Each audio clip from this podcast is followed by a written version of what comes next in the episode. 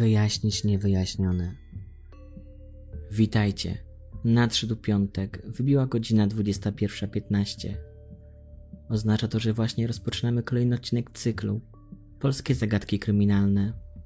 Dziś chciałbym opowiedzieć o zaginięciu dziesięcioletniej Angeliki Rutkowskiej. Na samym wstępie pragnę zaznaczyć, że imiona wszystkich osób zostały celowo zmienione. Ten materiał nie ma na celu nikogo oskarżać. Jest zbiorem informacji oraz zeznań świadków.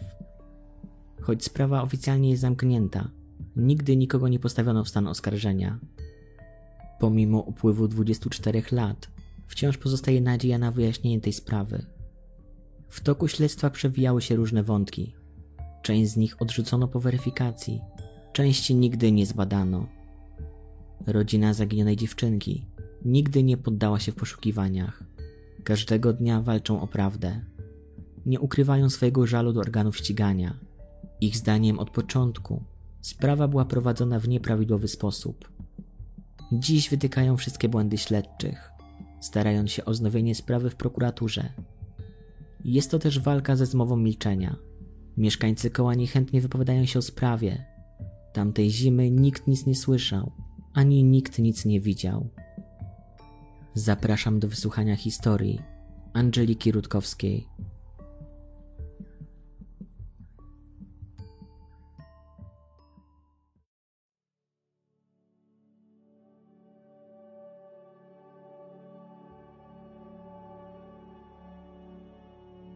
Trzydziesty pierwszy stycznia 1997 roku był ostatnim dniem ferii zimowych.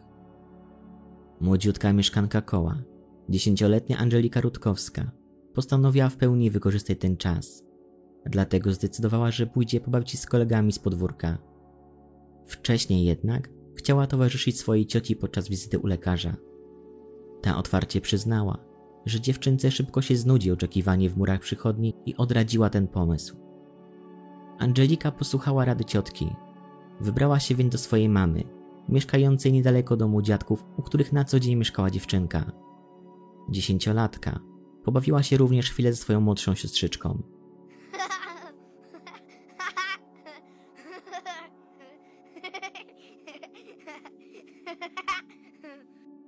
W okolicach godziny 13 Angelika udała się na spotkanie z czekającymi na nią chłopcami, Kacprem i Tomaszem. W jednym ze źródeł pojawia się nawet trzeci chłopiec, Filip. Tego dnia dziewczynka miała na sobie granatową kurtkę z czerwonymi paskami na obu ramionach. Dresowe spodnie z napisem na jednej nogawce w kolorze bieli, miodową wełnianą czapkę i brązowe trapery. Tymczasem dziadek dziewczynki, Czesław Przyłębski, przygotowywał swojej wnuczce obiad. Robiło się późno. Zbliżała się godzina szesnasta. Zaniepokojony coraz dłuższą nieobecnością dziecka, mężczyzna rozpoczął poszukiwania dziesięciolatki. Pierwsze kroki skierował na pobliski plac zabaw. Pomyślał, że może dziewczynka się zasiedziała. Wciągnęła ją zabawa i straciła poczucie czasu. Angeliki tam nie było. Niebawem cała rodzina, postawiona na nogi z coraz większym niepokojem, zaczęła wypytywać sąsiadów, czy ktoś nie widział Angeliki.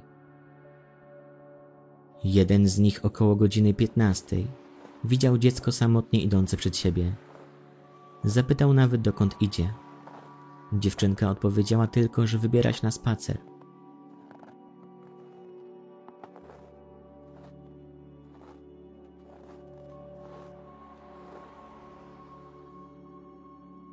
Zrozpaczona rodzina wciąż próbowała dotrzeć do osób, które mogły widzieć Angelikę. Jedna z nich stwierdziła, że widziała ją w towarzystwie Kacpra, który uczęszcza do tej samej klasy co dziewczynka. Ktoś inny z kolei przyznał, że widział Angelikę z Kasprem bawiących się w pobliżu rzeki Warty. Po bezowocnych poszukiwaniach, jeszcze tego samego wieczora zgłoszono zaginięcie dziecka na policję, która niestety nie podeszła do sprawy poważnie. Nie sprawdzono warty, w której dziewczynka mogłaby się utopić. Nie zaangażowano nurków do przeczesania dna rzeki. Bliscy dziewczynki wystosowali nawet prośbę o poprowadzenie poszukiwań z pomocą psa tropiącego. Niestety im odmówiono z powodu niedyspozycyjności zwierzęcia. Odpowiednio przeszkolona do takich zadań słuczka miała mieć cieczkę. Śledztwo po omacku. Widząc brak zaangażowania policji, rodzina Angeliki zwróciła się również o pomoc do jasnowidzów. Pierwszy trop w sprawie zaprowadził do oddalonego o 60 km Wocławka. Pojawili się świadkowie, którzy rozpoznali dziewczynkę z rozpowszechnianych fotografii. Według ich relacji, dziecko o bardzo podobnym rysopisie błąkało się po dworcu, krążąc między stolikami tamtejszego bufetu. Wujek i dziadek Angeliki spędzili tam parę dni, nocując w samochodzie pod dworcem. Przez cały czas w nadziei wypatrując dziecka, jednak bez rezultatu. Inny jasnowic, jako miejsce pobytu dziewczynki, wskazał pustostany w kole. W budynku nie znaleziono nic poza papierkami po słodyczach i chipsach, czerstwą bułką, szklanką mleka i śladami opon samochodu. Jeszcze inny człowiek opowiedział o wizji, w której widział Angelikę przetrzymywaną w piwnicy nieznanego domostwa. Pojawiła się również informacja o podejrzanym mężczyźnie, który miał kolekcjonować zdjęcia dzieci. Policja nie sprawdziła żadnego z tych tropów. Zrozpaczoną rodzinę próbowano również oszukać. Tajemniczy mężczyzna z Radziejowa, obiecujący pomoc w odszukaniu Angeliki, prawdopodobnie chciał po prostu wyłudzić pieniądze. Po pewnym czasie policja zwróciła uwagę na chłopców, którzy mieli towarzyszyć Angelice 31 stycznia. W pierwszej kolejności skupiono się na Kacprze, koledzy z klasy dziewczynki, który był z nią widziany przez dwóch świadków na skrzyżowaniu ulicy Jasnej i Kajki w Kole. Co zadziwiające, również siostra Kacpra potwierdziła, że jej brat miał bawić się z dziesięciolatką tego dnia. Dziewczynka miała być również u niego w domu, który opuściła w okolicach godziny 18.30. Jednak w niedługim czasie kobieta zaprzeczyła, jakoby takie zdarzenie miało mieć w ogóle miejsce.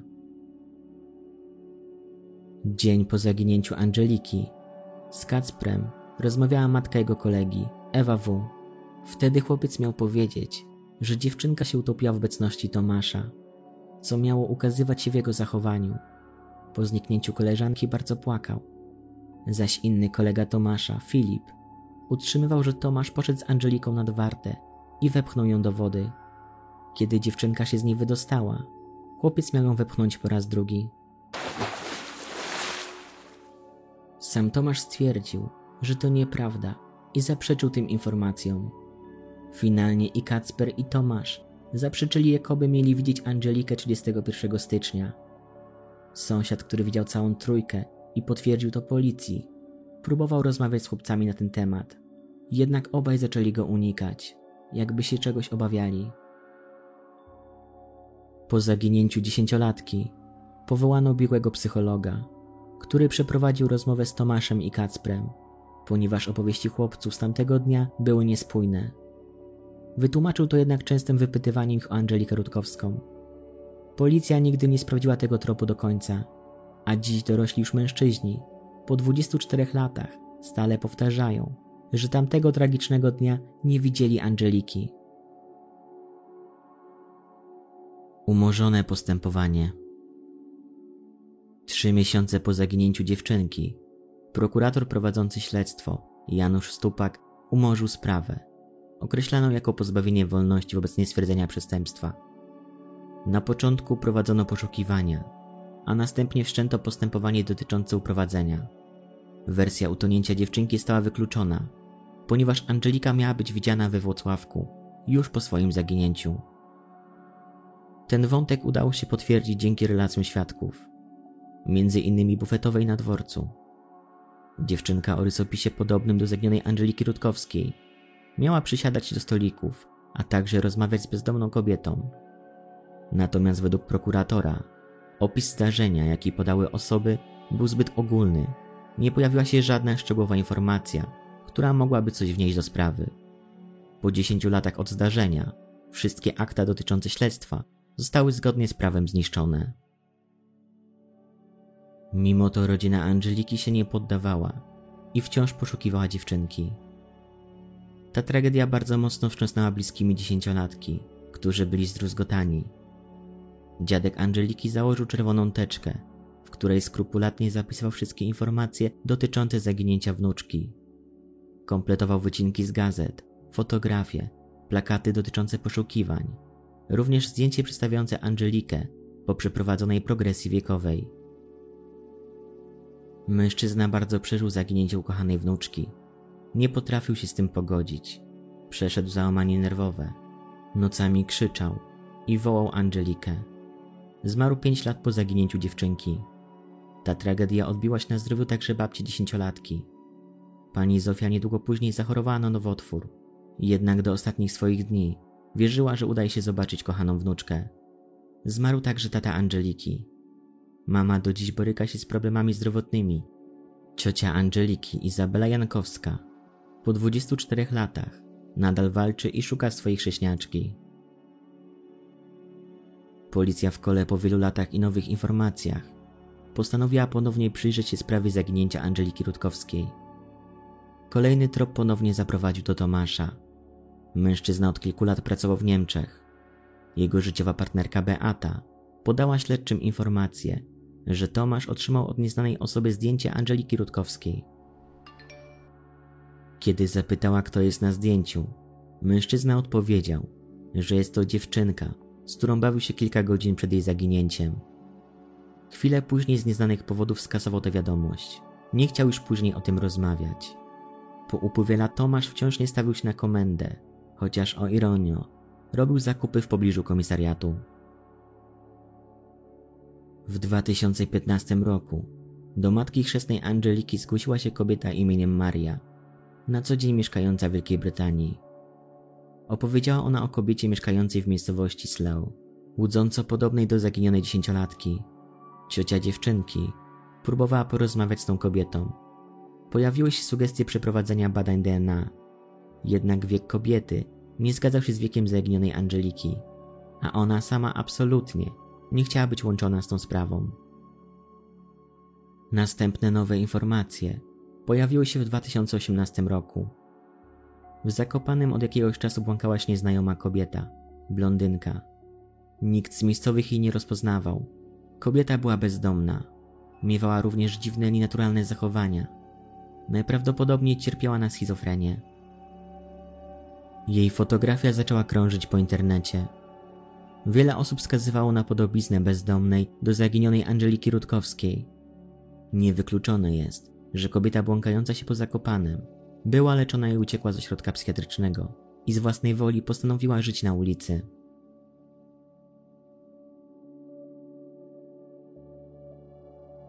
Nadzieja w archiwum Mix W 2020 roku sprawą zainteresowało się krakowskie archiwum Mix.